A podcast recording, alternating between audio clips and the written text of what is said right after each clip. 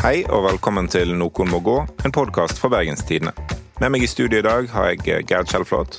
Hallo, hallo. Og eh, ikke ved min side, da. Fordi at eh, så snart han fikk muligheten til det, så stakk selvsagt Jens Kiel til Oslo. Men du er der, er du ikke? Jeg er her. Jeg Ja. sitter i en sånn liten telefonboks på pressesenteret på Stortinget og koser meg. Det er jo fullt kaos på Stortinget som vanlig, det er jo det beste jeg veit. Eh, og så til slutt så er det jo deg, da. Morten Miksvold, tilbake på Vestlandet. Eller det er du har jo alltid vært der. Åssen er livet? Nei, livet er nå greit, det. Bedre plass i studio denne gangen. Ja. Er det, har du kommet deg til 17. mai?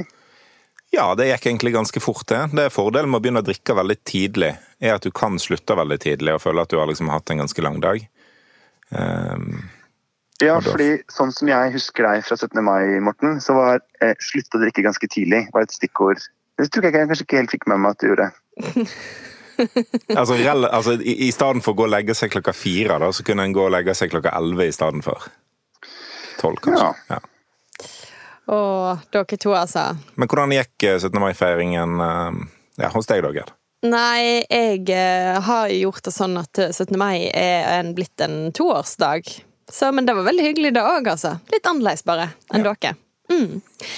Men uh, Jens, jeg hadde egentlig tenkt å ta opp noe med deg. Fordi at um, Du skrev jo på sosiale medier, også kjent som Instagram, her om dagen så jeg at du nå er tilbake i Oslo og aldri har vært så lenge vekke fra Oslo før i ditt liv. Stemmer Ja. dette? Ja. Du har aldri vært to måneder vekke fra Oslo før? Eh, nesten to, men ikke to og en halv. Så det er en ny rekord. Eh, ja. Vet, vet, jeg har lyst til, å- å, døype deg til heimføing. Det er der du er. Hadde du, hadde du kommet fra ei lita vestlandsbygd, så hadde det der vært så utrolig stigmatiserende. Jeg har aldri vært to og en halv måned vekk fra Åkra, liksom.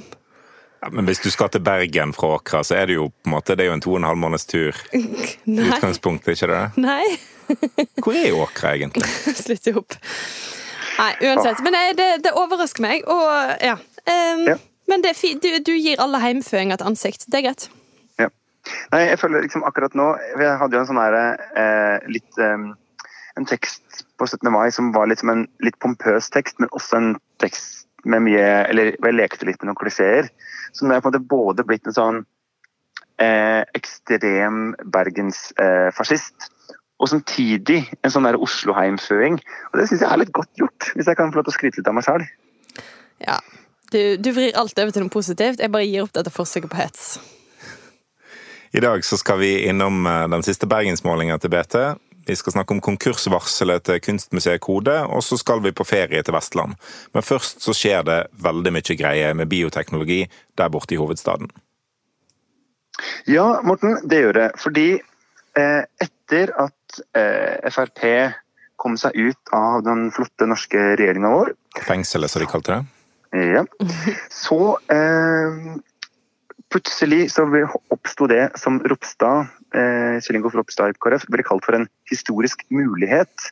Nemlig at eh, det var et flertall på Stortinget som kunne liberalisere bioteknologiloven ganske kraftig, og som ikke var bundet opp i noen regjeringskonstellasjon.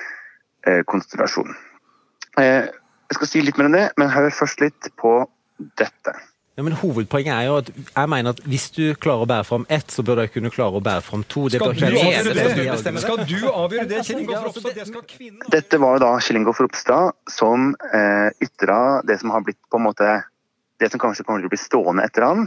Eh, kortformen 'klarer du én, så klarer du to'. På natta etter at de hadde lagt fram eh, regjeringsplattformen, Granavolden-plattformen. Og nå sitter jo da ikke lenger eh, KrF i en flertallsregjering.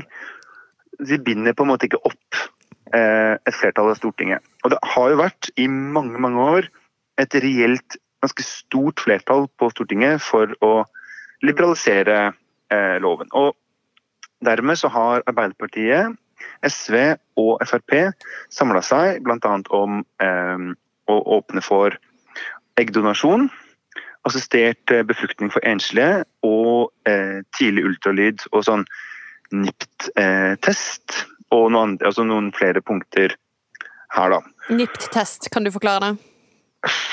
Altså, det er vel en slags test Si at man kan hvert fall T-en i NIP uh, står for test, så vi kan godt kalle det for NIP-testen. Oi, Ok, veldig nøye på det. Ja. ikke sant. Men du Ja, skal ja. få Jeg sier også caffè latte med melk. Uh, men Og chai-te. Men iallfall Nesoddtangen. Uh, dette er jo det som Ropstad kaller for statlig finansiert leiting etter downs.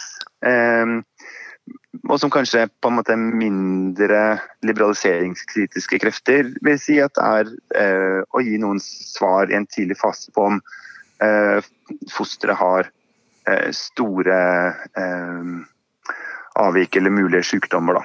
Eh, som jo har vært noe som veldig mange går og tar i dag eh, privat, men nå er jo spørsmålet om man skal gjøre dette som et offentlig tilbud.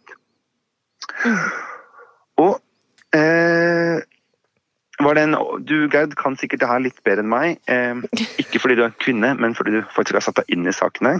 Ga jeg en ok eh, oversikt? Du rodde deg litt i hvert fall ut av den siste der. Eh, ja.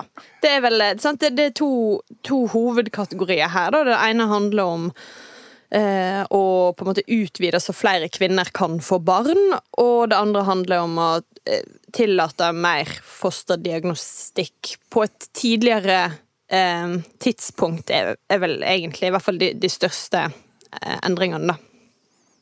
Mm. Yep. Og dette er jo da eh, på en måte en, Det er jo en superduper kritisk sak for eh, KrF, for dette er jo altså ikke sant, Nå blir det eh, hele dette her eh, Som de på en måte har kjempa mot i hele sin eksistenstid. Sorteringssamfunnet og alt sånt noe. Og eh, Derfor så har da eh, Kjell-Ingolf Ropstad krevd at på tirsdag, når saken skal behandles, så skal den behandles for såkalt full sal. Og Hva betyr det, folkens? Eh, dere veit det, men kanskje ikke alle veit det, så jeg sier det ut av munnen min. Supert. Det betyr at eh, til vanlig så møter jo ikke alle 169 stortingsrepresentantene når det skal stemmes over noe i Stortinget. Det er en viss prosentandel fra hvert parti som møter, sånn at man får et resultat som blir riktig, men folk kan bruke tida til noe mer fornuftig enn å trykke på den knappen. Men innimellom så varsler et parti at i denne saken stiller vi med alle våre representanter i salen, og da må plutselig alle de andre gjøre det også. Fordi hvis ikke så eh, ender man jo opp med et veldig feil resultat. Mm. Og det som nå er litt sånn spennende, er jo at Ropstad har jo da tenkt å gjøre dette i denne saken, fordi at det finnes jo i hvert fall krefter i eh, Frp som vurderer å stemme mot disse endringene. Sylvi Listhaug f.eks., som jo er en um, har et mer konservativt syn i disse sakene. Mm. Og Frp har jo òg en tradisjon for å fristille sine representanter i, i sånne type saker. Eh, Så de har jo argumentene på sin side for å si at Frp kan ikke liksom binde sine folk her. Det interessante er jo på en måte det at eh, det har jo også f.eks. Høyre. Og det er jo ikke en sjel som lurer på hva Venstre lurer på eller mener i denne saken. Der er det jo vært for liberalisering i alle år. Men de blir ikke fristilt, for at de er bundet av regjeringsplattformen. Mm. Eh, og i og med at Arbeiderpartiet, SV og Frp vel har 86 representanter til sammen, Mm. og det er 85 som kreves for flertall, så skal det jammen ikke mye til. Så det blir forferdelig spennende. Men er, Det det, som- men er det sannsynlig at noen fra Frp kan bryte ut? Bare for å spørre om det. fordi at dette her var jo, Når Frp gikk ut av regjering, så tror jeg det tok et par timer kanskje før, eh, før den første saken kom, at nå skal vi liberalisere bioteknologiloven.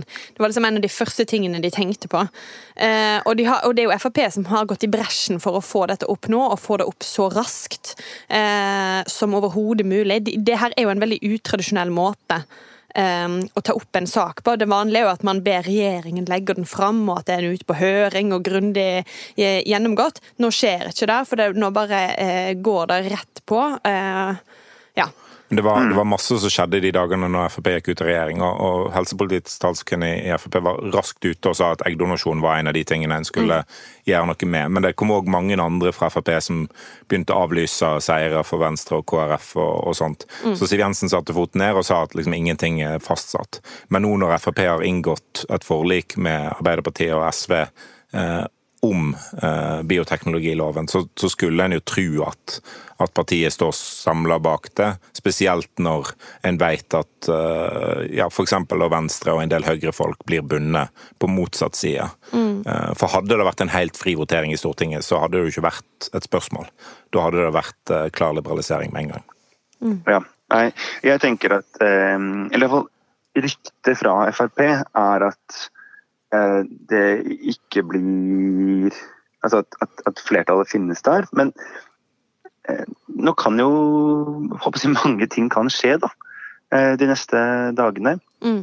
Eh, og så er jo da eh, eh, Noe av det som også er litt fascinerende her, er jo at den samme dagen som de skal behandle dette, så skal de også Eh, i Stortinget behandle spørsmålet om, eh, disse, ja, om Norge skal være med på en eller annen løsning med disse flyktningene som sitter fast i Moria. Mm. Eh, og der vurderer Ropstad å stemme mot og KrF da, å stemme mot eh, Høyre. Og, ja. bli, bryte ut av regjeringa. Eh, sånn at Etter å ha argumentert for lojalitet to timer før. Ja, Den ene dagen så krever han at Høyre og Venstre skal stemme samla og i stor grad mot sin overbevisning i hans sak, og være litt lojal til regjeringa. I den neste saken så tenker han å stemme ned eh, Høyre. Eh, må, må, du ha dårlig hukommelse for å være partileder? Eller bare hjelpe det? Jeg, jeg, jeg skjønner ikke, for jeg, jeg skjønner ikke eh, For jeg, jeg, tror da at dette er ikke sånn som Erna har tenkt å sitte og se på.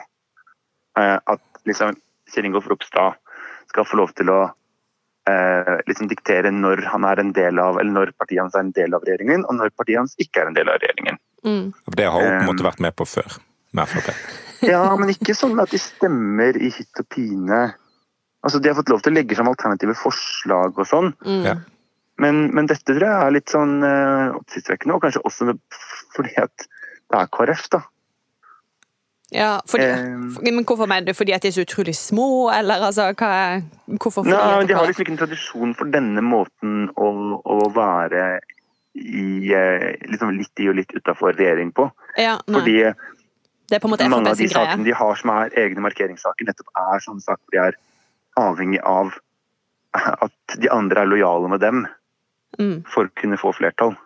Mm. Um, altså, det er ikke et flertall i Norge for kontantstøtta, eller for en konservativ eh, abortlov eller en konservativ biotek-lov osv. Så, så, videre.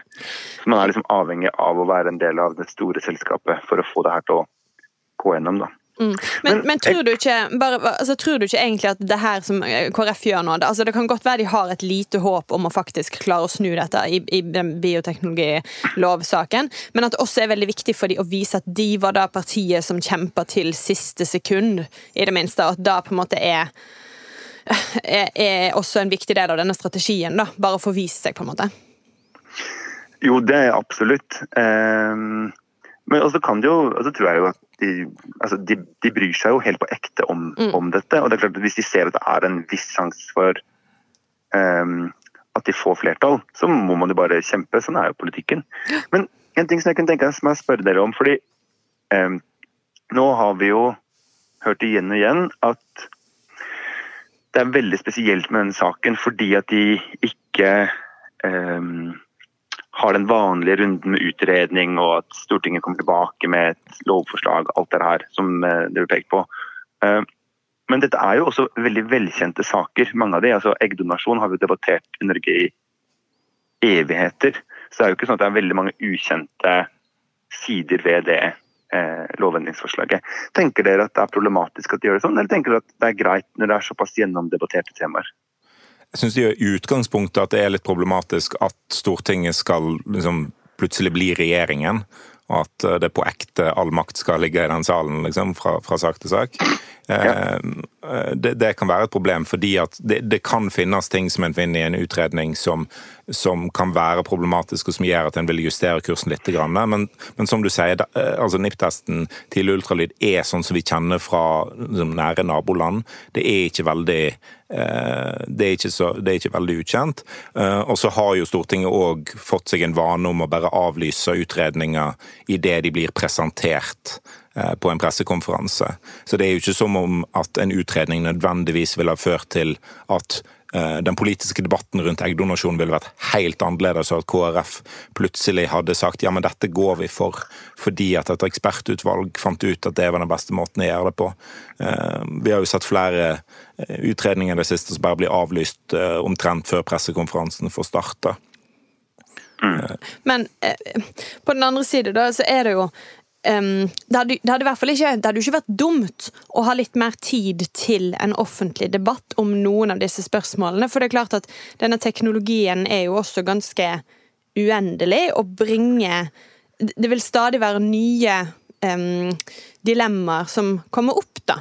Mm. Uh, Så sånn sett så, er, så, så, hadde det ikke vært dumt å ha litt mer tid. Og, og, du kan kanskje si at den debatten blir litt offer da, for eh, for dette, den politiske realiteten i Norge, der noen små partier har klart å blokkere for en sånn debatt i så lang tid, at når vi nå først får muligheten, så, mm. så blir det så ekstremt hastverk. For det er jo derfor det skjer. Altså, En vet at på venstresida ville, ville Senterpartiet blokkert en, ja. en, lignende sak, og på høyresida har måtte, KrF blokkert det i lang lang tid. Nå har en et, et, eh, en historisk mulighet, eh, og da griper en den. Eh, fordi at, at, det har vært så masse obstruksjon fra et egentlig ganske lite mindretall. La oss eh, eh, haste videre. eh, fordi at vi har jo i BT fått gjennomført en ny bergensmåling. Og, ja, og aller mest oppsiktsvekkende der må vel sies det være at Høyre er tilbake på 34,8% Det er ikke tall de har vært vant med å se i Bergen de siste fem-seks eh, årene. Men så er det jo også gjerne sånn at det er gjerne ikke Bergen Høyre å takke for disse tallene, men nettopp den dama som styrte her i byen for en eh, fem, seks, sju år siden, når tallene var gode. Eh, la oss eh, høre på dette. Du har jo sagt eh, til mediene at jeg er grusom. ja, du var jo grusom. Ja. Sånn at du gir meg litt frie tøyler. Ja, det skal farges. Ja. Skal det klippes litt. Bare litt? Ordet litt. Du kan jo bare sitte i kam på den siden. Nei, det kommer jeg aldri til å gjøre. Bare en klemme. Dette var et klipp fra TV 2, som i likhet med veldig mange andre medier fulgte justisminister Monica Mæland da hun endelig fikk eh, farga etterveksten sin for noen uker siden. Um, Monica Mæland er vel i det siste blitt noe så sjeldent som en slags folkekjær justisminister. Er dere enige med meg? Ja. Kan jeg bare si en ting? Ja. Jeg så uh, Monica Mæland i stortingsrestauranten i går. Og på en måte før jeg tenkte over det, kom på hele det her uh, hårfargingsgate og alt sammen, så tenkte jeg bare sånn, som sånn refleks at Dæven, så fin hun var på håret! Så, eh, men, men, ja. men, Jens, at du tenker sånne ting om Monica Mæland, det vet vi jo. Du er jo helt mo i knærne. Dette er en melding til Høyres kommunikasjonsavdeling. Eh, deres arbeid fungerer åpenbart på Jens. Ja, eller, eller BT sin eh, Høyre-avdeling. Ja, vi har jo dekket Monica Mæland ganske mye, vi òg, får vi si. Ja, Det er jo ikke så rart. Altså, det er jo, som, som Gerd skrev eh, i en kommentar nå til denne målingen. Altså, hun kaller det for Monica Mæland-effekten. For hva annet kan det være? Hva har Høyre gjort i Bergen som skulle tilsi at de går fra 20 ved valget til 34,8 nå i, i, mai? Ifølge ja. Harald Viktor Hove, som jo er deres eh, frontperson her, så har de satt agenda og snudd mange politiske saker. Og jeg satt virkelig og tenkte og vrei hodet mitt og prøvde å google litt. Jeg veit fortsatt ikke hva han snakker om. Nei, ikke jeg har ikke peiling. Altså, jeg, jeg, jeg kommer ikke på et eneste eksempel på at de har satt agenda og snudd saker. Men um, han hadde sikkert noe i tankene. Ja. Nei, men eh, det er jo litt sånn uh, altså, det, det, bergenserne vil ha, det er uh, fascisme med et smil og litt ettervekst. Nå er du veldig raus med den der uh, stemplingen din, Jens. ja, ja. Men åssen mm. er resten av målinga?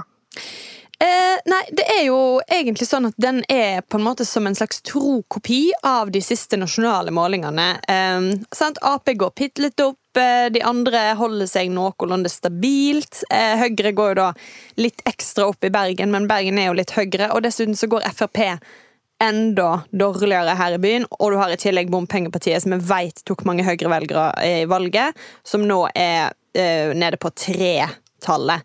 Um, Som vil si at Høyre har fått tilbake veldig mange gamle velgere her, antageligvis. da. Ja. Men fasiten er jo null endring i blokksammensetningen. Ja. Altså, eh, eh, byrådet måtte fortsatt eh, vært avhengig av eh, av eh, SV og enten Rødt eller Senterpartiet, akkurat som i dag.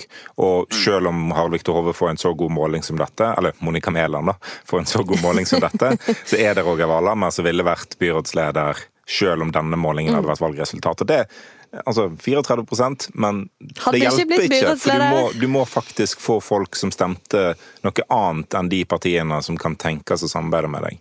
For å En ting som jeg lurte litt på, da, det er eh, I valgkampen så valgte jo tydelig Harald Viktor Hove fra Høyre sine venner. Han pekte på eh, bompengelista og Frp. Eh, Og så pekte han jo også på Senterpartiet og Venstre og KrF. Men det var jo på en måte ganske tydelig at du får jo ikke de som er for og de som er mot Bybanen inn i samme prosjektet. Og i og med at Høyre hadde en valgkamp hvor de var litt for og litt mot Bybanen, så kunne de velge litt hvem de ville peke på. Men eh, så valgte han de vennene som kanskje var litt dårlige venner å velge, fordi det ser jo ikke ut som det hjelper, altså, at det bedrer seg noe for bompengelista og Frp. da. Men, men hadde HV egentlig noe valg, når, når en så i mai i fjor da, at uh, her ligger bompengelista på 16% på målingene? Eh, De melder seg på i kampen om å bli byens største parti. Det fantes ikke en vei til makt for Høyre uten å ta med bompengelister på, på diskusjon. Så det, det måtte avspore jo kanskje valgkampen til Høyre og valgkampplanene til Høyre at bompengelista gjorde det så godt. Uh, Ja, det, men det avslørte jo òg den spagaten som de hadde klart å plassere seg i, da, med, med at de var for Bybanen, men mot å betale for den. Ja, men Det kan jo hende da, at, eh, vi, at resultatet av dette her blir at eh, Høyre snur enda et par ganger i bybanespørsmålet fram mot neste lokalvalg. Ja, de har god tid til å snu en seks-sju ganger til. Ja, Men nå må Ja. vi ikke gjøre dette til en, en diskusjon om Bybanen, folkens. Jo! Hallo! Nei. Jo, jo, jo, jo! jo. nei, nei, nei. Ja. Men eh, Nei, for det trenger vi egentlig ikke, for der har jo ikke staten tenkt å betale for neste trinn av Bybanen. Okay. Så men, men, hva var det jeg sa? får vi inn litt gravferdsmusikk her. uh, tenk at vi altså, Det ville vært utenkelig at vi ikke greid en hel samferdselsfri noe må gå. Men Arbeiderpartiet de havna på Koronafritt det klarer vi ganske bra, men samferdselsfritt ikke sjans. Mye verre altså, virus. Samferdsel er Vestlandets eh, epidemi. Ja. Men eh, Arbeiderpartiet 24, var det det? Ja, Ja. nok sant. Det er jo, et ganske, det er jo ganske kraftig opp fra, eh, fra valget, også for deres del, da, får en si. Det er jo det Ja. positive. Men de får jo ingenting betalt for å ha håndtert denne koronakrisen her lokalt. Eh, men det er ikke så rart, kanskje, for det er liksom to og en halv måned siden, og jeg altså, husker meg hva som Ja, skjedde? Han var jo veldig godeste Roger Valhammer. Var jo veldig sånn poppis i spaltene i starten, hvor jo Mm. han eh, var litt sånn hardere i klypa enn regjeringa var og alt det her. Um, og jeg lurer på om det kanskje er om de har blitt for usynlige. Og vi har jo ute en god sak eh, nå som eh, våre venner på politikkavdelinga har skrevet, eller vår venn eh, Anders Haga. Flink kollega. Og den handler om et eh, nerd, eh, men viktig tema som Anders er opptatt av, eh, nemlig Hvem som styrer byen? Mm? Ja, hvem som styrer byen? ja, men, ja og, men eh, det handler om bl.a. bruken av krisefullmakt osv. Det, veldig mye ble jo da delegert til eh, kommunaldirektør Robert Rastad. Og jeg tror ikke det er sånn at velgerne har da gått i flokk i protest mot at Robert Rastad har fått eh, delegert krisefullmakt fra byrådet. Eh, men det at eh, på en måte byrådet ga også fra seg litt av muligheten til å stå i fremste rekke i eh, beredskapsarbeidet og smittevernsarbeidet. Det lurte jeg på om kanskje har det blitt mer usynlig enn de hadde trengt å være, da. Hva tror du om Mm. det? Eh, Det, det, kan jo, det kan jo hende. Um, For det går jo dårlig for MDG, det går dårlig for eh, Venstre, det går dårlig for KrF. Ja. Men, men hva skal man regne med, da? Hva Hadde de kunnet gjort noe mer hvis de hadde vært litt mer synlige? Dette her er styrt av showet fra Oslo. Monica Mæland-showet. Ja, for Spørsmålet er om det er plass til flere enn de 19 statsrådene som er, har pressekonferanse daglig omtrent. Altså, Det har vært et så kjør fra regjeringen eh, i disse månedene her. Eh, og så har det vært noen pressekonferanser lokalt i tillegg. Og ja, kanskje Valhammer og et par andre byråder kunne vært litt mer synlige, men det er ikke sikkert det er plass til flere i folks bevissthet akkurat nå enn Erna Solberg og, og Monica Mæland og Bent Høie. Folk tenker jo generelt veldig lite på politikere. Det burde vi tre tenke mer på, på en måte. At vi tenker altfor masse på det. Ja. ja. Ja, ja. Men nei, ja, jeg Noen vet må gjøre det òg. eh, Jeg lurer bare på om det er en eh, eh, Om det er et spørsmål om synlighet her og litt sånn som, det, som kunne vært løst annerledes likevel, da. Men det er Mm. selvfølgelig utrolig vanskelig å vite. Og det kunne sett annerledes ut hvis vi tok opp en måling ja, 20. mars, liksom. eh, Etter at Bergen kommune var en av de som kanskje fikk staten til å stenge skolene. Men vi skal videre i programmet. Vi skal til kunstmuseet Kode. Eh, Kode er altså kodeordet for kunstmuseene i Bergen. Så har jeg sagt det så mange ganger at folk skal ha fått det med seg selv om de holder til på Østlandet. Der eh, Ja. Eh, Der eh, fortsetter de økonomiske konsekvensene av korona og plager de. Eh, I hvert fall hvis vi skal tro på det som ble sagt på pressekonferansen på tirsdag. Hør bare her. Vi har kalt inn til pressekonferanse i dag for å fortelle om en eh, alvorlig situasjon for Kode. Vi står på randen av konkurs. For her kom eh, kodedirektør Petter Snare med konkursvarsel for eh, kunstmuseene. Vår egen eh, kulturredaktør Frode Bjerkestrand omtaler det som et stunt. Sannsynligvis var det en studie i velformulert passiv aggressivitet fra Snares side. Hva tenker dere om eh, pressekonferansen? Er dere redd for at museet ryker? Nei. Jeg er ikke kjemperedd for det. Eh, Men jeg tror jo at det er reelt at de har økonomiske problemer. Det tror jeg. Det vet vi at de har. Ja, Men jeg tror Peter Snare omtalte det sjøl som eh, at dette er ikke bare et PR-stunt, eh, sa han. Og det er vel kanskje en oppsummering. Det er ikke bare det, men det er også det. Punkt én på lista over ting du skal gjøre når du gjennomfører et PR-stunt. Ikke si at det er et PR-stunt, Ja, ja. tenker jeg. ja. ja. Men jeg syns da at eh, Petter Snare har over tid vært veldig flink med å få opp den debatten om hvor lite penger eh, Kode får fra staten, versus hvor stort ansvar Kode har for å eh, forvalte veldig, veldig viktige deler av den norske kunstskatten. Mm. Eh, og hvor, hvor svært museum det er. Og, og et ganske sånn komplekst eh, museum, for det har jo alt fra eh, kunstnerboliger, altså Trollhaugen til Grieg osv., Mm. til eh, noen av Norges mest kjente eh, Grieg, nei, Grieg-malerier, faktisk. Ja, Munch-malerier. Her er kunsteksperten Kiel ute på galeien. Til eh, kunsthåndverk, til ikke sant? masse forskjellig. Og enorme bygningsmasser. da. Og det er eh, eh, Så jeg syns han har vært god på det, og, og jeg, han har jo rett i at de får for lite penger sammenlignet med, med oppgavene de har. Ja. Men det som er gøy, da, det er jo at Frode Bjerkstrand, kjære kulturredaktør, har fått så innmari til svar fra Abed Raja.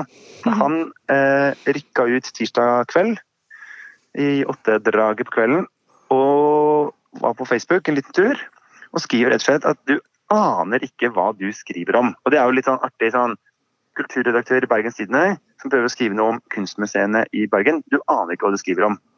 Og det tror jeg vi kan si at eh, det tror jeg Frode gjør. Jeg syns jeg har hørt den setningen der før i Ja. norsk politisk Dette er retorikk. rett og slett eh, dette er rett og slett han, altså Abid er ute og tar en Navarsete, og det syns jeg er litt kult. Dagen før hun annonserte at hun ikke tar gjenvalg til Stortinget, Som en så slags homasj. kom kulturministeren på banen. Han redder ikke kunstmuseene, det gjør han ikke, men han hyller liksom, en tidligere Senterpartileder som nå takker for seg. Ja, Det- men det, det, arven lever videre. Ja. Men hør på dette. altså som Abid eh, Raja skrev da. Jeg oppfordrer deg som kan skrive slike kommentarer i egen avis uten å stå til ansvar for noe, å ta opp telefonen og ringe til Snare og spørre han om hva han synes om dialogen med meg.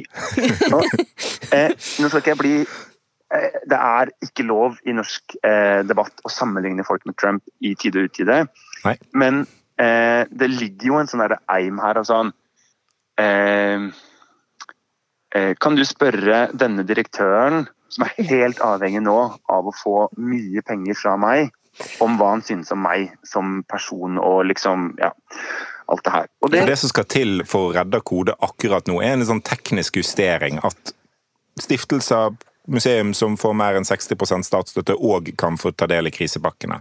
Det er liksom det de ber om akkurat nå. tremendous! Sant? It's Men, the best eh, krisepakke ever. ja. Men den, den kraftsalven fra, fra Abid Raja der, den er litt sånn ja, Kanskje dette stuntet var veldig riktig, hvis det Hvis det har tyrann såpass, til dette? Ja. Ja, for det må til. Ja. Fordi det som er det som, noe av det som Frode peker på, da, er at de hadde jo et Skype-møte eh, forrige uke. Mm. Hvor de altså Snare mellom- og Raja. Ja. Ja. Og, og teorien til Frode er at hvis Raja i det møtet hadde gitt tydelige signaler om at eh, det er penger på vei, vi veit dere er i krise, men vi skal hjelpe til, så hadde kanskje ikke eh, Snare stilt opp. Og det er jo litt sånn Selveste Trollhaugen Nå skal ikke jeg engang prøve på å si hvem som var komponisten som bodde der ute. Var det Picasso eller noe? Men Eh? Grieg. styrelederen i Kode er jo ikke en, på en måte en random styregrossist. Det er Marte Mjøs Persen, ordføreren i Bergen, Mm. som står der ute i eh, vårsola. Og eh, ikke sant? Så det er jo et eller annet her som ikke stemmer når Raja mener, eller liksom påkrever at da Petter Snare skal svare under i kommentarfeltet og sånn, sånn jeg syns at eh, dialogen med kulturministeren var helt fantastisk god, bla, bla, bla. Det var ikke helt ordrett sitat, altså, men det var en sånn Ja. Du siterte meningsinnholdet. Mm. Ja, takk. Ja. Nei, de hadde neppe gjennomført den pressekonferansen hvis alt var så rosenrødt. Sånn som han som veit hva som har skjedd her, Abid Raja, prøver å fortelle oss. ja. Det er rett og slett ganske høyt spill, men ehm, Eller, ja. Går de konk, så går de konk. Altså, det, ja. Du tar litt lett på det. altså. Nei, nei, nei, nei, nei, men Tenk bare om mener at permanenten blir oppløst, da er det jo ikke permanenten lenger. Åh. Ja. Jeg har- venta på sånn Skulle vi, skulle vi kjøre en liksom pappavitsløs eh, sending? Nei da. Nei, er langt forbi det. Ja. Vi går videre i eh, sendingen til vår faste spalte og Vestland. Eh, Hvor er det du har tenkt å ta oss eh, i dagens? Har ikke peiling, men jeg tenkte at jeg skulle sjekke hvor dere vil ta meg. Oi! Egentlig. Fordi eh, nå Oslo, ligger jo alt an til at vi skal ta ferien vår innenlands. Mm. Og veldig, veldig, veldig mange skal til Lofoten. Har jeg inntrykk av. Jeg føler liksom alle sier de skal til Lofoten. Ja. Men eh, det ligger jo ikke på Vestlandet. Så spørsmålet er rett og slett eh, Hvis man nå skal planlegge for eh, ferie og skal vestover, eller bor i vest og bare skal holde seg her, hvor, Mm. eh, hvor burde man eh, reise? Så vi kan jo starte med deg, eh, Morten. Eh, har du noen gode tips til folk? Eh, det er ikke lov å svare Radøy, selv om jeg veit det. Nei, Det er jo plassen en helst bør holde seg unna, selv om det er jo interessant å se hvor feil det kan gå av og til. Ehm, nei, jeg, eh, jeg vil jo altså, trekke fram Undredal eh, i gamle Sogn og Fjordane. eh, er den fineste plassen jeg har vært på. Eh, Det er flott lite bygd. Du må kanskje vente litt på at sauene flytter seg fra veien når du kjører ned dit. Men der, er- der er en sånn rolig stopp, og det kan være et litt lengre stopp, eller det er bare en liten avstikker fra, fra hovedveien mellom, mellom vest og øst hvis du, hvis du skal, skal langt. Så, så Undredal er liksom ikke beste småtipset. Ja, for mitt inntrykk med Undredal er at hvis man får spørsmålet nå hva kan du gjøre i Undredal, så er svaret ingenting. Og det er det som er så deilig. Jo, men det er jo, det er jo generelt for hele Vestlandet. Hva kan du gjøre på Vestlandet? Det er ingenting. Det er små bygder, det er fjell og fjord. Men du, kan bare, du må jo bare være der, på en måte. Ja. Nei, det er, du kan kjøpe sånn eh, brunost. Ja. Jeg holdt på å si bruk sansene og ikke lommeboken, men kjøp litt brunost der. ja kjøp litt brunost. Det er veldig bra. Nei, eh, du og Gerd, er det noe utover Åkra som du vil eh, tilrå? Nei. Og egentlig, vil du tilrå Åkra som feriested? Em, ja. Jeg vil egentlig tilrå Åkra eh, like mye som alle andre små vestlandsbygder langs en fjord. De er jo fine, de aller fleste. Eh, og Åkra er en eksotisk plass for, også for folk på Vestlandet, det vil jeg si.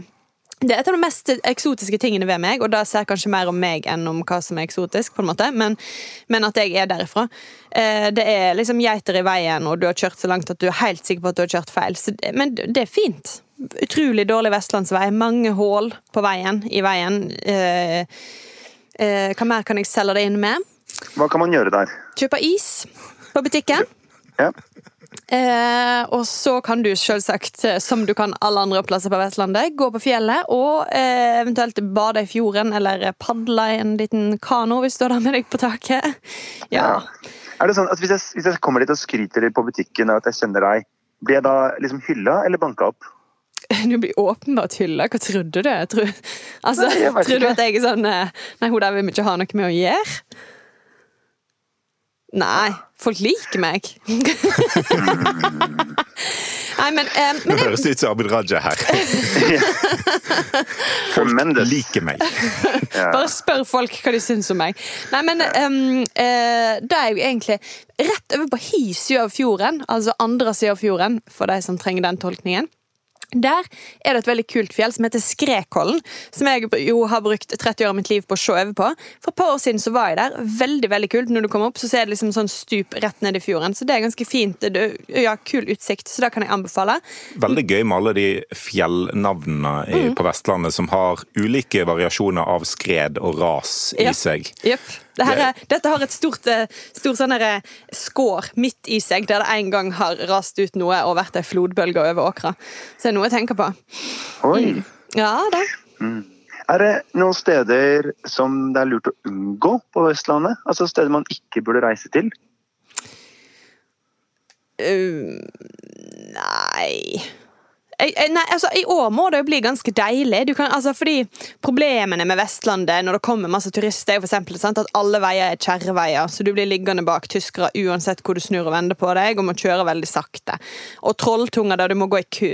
I år må du bare kjøre på, gå på trolltunger. Det er den eneste muligheten du får de neste 30 årene. Um, Ja. For jeg har vært på Trolltunga én Ja. gang.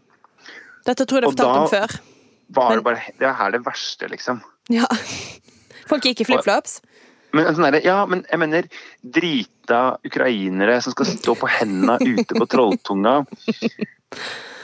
Altså Kanskje i år er året der med nordmenn skal bare være utlendinger. Bare liksom føle på Nå bæsje liksom og eh, spy på hverandre mens vi hører på tung tekno på- oppe på fjellet og kaster søppel overalt. Nei, Nei. det er ikke helt Skal ikke meg, bare skal altså. droppe det. ja, jeg trekker det tilbake. Jeg tenker faktisk å reise til Østlandet på ferie i år. Uh, Skal via Sogn og Fjordane forhåpentligvis på veien, kanskje en tur innom Fjærland og gå litt på fjellet og sånt, men jeg tenkte Er ikke det mot Sogn og Fjordane? Ja, altså det er gjennom Nei, på du, vei du til er imot Sogn og Nei, jeg er ikke imot Sogn og Fjordane. Du vil jo legge den ned. Jo jo, men en kan, eh, kan eh, besøke det en vil legge ned. Du kommer til å bli lynsja når du drar opp dit. Nei, vent, nei, det er meg. Ja, det håper jeg. Jeg skal si fra til eh, Liv Signe om at du er på tur, så hun kan stå klar med, Men feriemålet i år, Lærdalsbøndene. ja, kommer. feriemålet i år virker for meg å være Halden. Til den nyåpna baren til eh, Bahare og Per Sandberg. Ja, For jeg trodde du skulle på Allsang på grensen nå, men eh, Men det tror jeg går uten Jeg publikum, så du må være forsiktig. Morten sitte og vugger sånn fra side til side, litt i utakt, mens han synger sånn derre Så er vi med sammen for livet. Nei, det, Se for dere meg gjøre det. heller den idyll Ja, altså- mm, som de alltid synger. åh, fytterakker. Og det er den verste sangen. Ja, Den er faktisk den verste sangen. Men et problem, da, jeg må jo bare nevne det for alle, fordi det er bedre at folk vet det før de kommer. Eh, alle som snakker om at det er liksom ti grader og regn i Norge eh, om sommeren, det er feil. For Vestlandet så stemmer det. Det er ti grader og regn. Juli er ofte vår verste værmåned, føler jeg. Så da er i hvert fall en litt sånn her Ta det med i beregningen, ikke bli skuffa. Ja, nei, og det har jeg lurt litt på. Litt sånn, det er jo litt problemet med å oppleve sånne episke vestlandsbygder. At hvis det er sludd og tåke og sju grader, så er det veldig lite gøy å finne på. Eh, og da er du jo litt sånn forvist til eh, Bergen, da. Ehm, Det er ikke er jo litt- verste plassen. Nei. nei, men litt sånn for min del kjenner jeg på at jeg tror ikke jeg tar jeg tror ikke jeg liksom Jeg må prøve å se noe annet enn Bergen sentrum i, etter hvert låst inne av eh, Monica Mæland i ti uker. Ja. Ja. Så storbyferie til Førde. For det er plassen å være når det regner og sludder i juli. Ja, for der kan du kjøre hvor som helst. Det er parkeringsplasser Mm. Det er sant, og så er den skywalken den òg overbygd. Veldig greit. Kanskje jeg endelig kan lære meg lukeparkering. Ja. Jeg tror ikke du trenger det i Førde, for det er god nok plass til å parkere hvor som Ja, det, Hadde ikke helt sett for meg at et feriesegment om Vestland skulle ende opp i hets av Førde. Nei. hvorfor har du ikke sett for deg det? Nei, jeg veit ikke. Jeg tar selvkritikk. Ok. Men har du Men, fått ok. eh, tips? Eh, Jeg har fått uh, noen tips. Men jeg tror kanskje jeg skal spørre i gruppa også. Ja, gjør det. Men du, et, et siste sånn ting, for det syns jeg er veldig eksotisk med Vestlandet, er å gå på sånne små eh, nærbutikker. Sånn som du sa, hvis du kommer på butikken i Åkra. For der er det alltid, det er alltid veldig gøy å se, og det er liksom, der, er, der er de lokale. sant? Det er, en, det er en veldig fin plass. Og det er jo da alle små bygder stort sett har jo sin egen lille nærbutikk. Så det er jo en bra greie. Kjøpe is overalt. Ikke nå er. lenger. Nærbutikken Nærbutikkene blir jo lagt ned overalt. Ja, men det er enten så blir de lagt ned, eller så blir de jo på en måte bygdas kjøpesenter. Som Ja. er jo helt sånn sinnssykt. Sånn, på 80 kvadrat kan du kjøpe en full kleskolleksjon, en Ja. sementblander, ny kone og en campingvogn. Yes! Og alt du trenger av mat og sånn, selvfølgelig. Men ja. Ja, jo, jo, jo. ja. Men Men det et helt sånn, eh, ofte et ganske elendig utvalg av mat, men altså, sementblander. absurd mye annet, da. Ja, det er helt sant. Ja. Ja. Ok. Før vi avslutter i dag, eh, er det noen som eh, må gå denne veka? Abid Raja, kanskje? Nei, eller Nei, han må ikke gå. Men kanskje han, eh, han, må, han må gå til sparegrisen. Knekke Ja. den og skaffe noe penger til kode, syns jeg. Ingen som legger merke jeg- til om det forsvinner en milliard eller to til fra det oljefondet Nei. akkurat nå. Nei, det tror ikke jeg. Ja. Og så tror jeg kanskje at eh, eh, alle 169 stortingsrepresentantene må jo gå i salen neste uke. Mm. Høres ut som en sånn bra koronatiltak Ja, det er jo litt sånn samle altså, det er jo, alle stortingsrepresentantene i Norge i én sal. det er to ting med det. Ting én eh, en, en, eh, et regjeringsmedlem kan jo egentlig ikke kreve full sal. Så det er det jo en del her som er veldig opptatt av. Og det er jo litt sånn nerd-ting, fordi da kunne bare en annen KrF krevd det. Men sånn I og med at vi er en venstreavis og opptatt av all makt i denne sal og sånn, så tenkte jeg kunne nevne det. Og eh, ting to Sånn smittevernfaglig så er det jo helt på styr det han driver med. Men eh, nok om det. ja, ja. Innspill og tilbakemeldinger og måter stortingsrepresentanter kan komme seg trygt til hovedstaden på, sendes til nmgalfakrøllbt.no eller i Facebook-gruppa Noen må gå. Vi kom med en ny episode hver torsdag. Dette var bare et unntak, siden det er den store høgtidsdagen Kristi himmelfartsdag denne veka. Intromusikken var bergenser av Bjørn Torske, produsent var Henrik Svanevik. Du finner oss i BT Lytt-appen, eller hvor enn du laster ned podkaster på internetten. Ha det bra. Ha det! Riktig god Kristi himmelfartsdag, alle sammen. Ja! Feir med måte.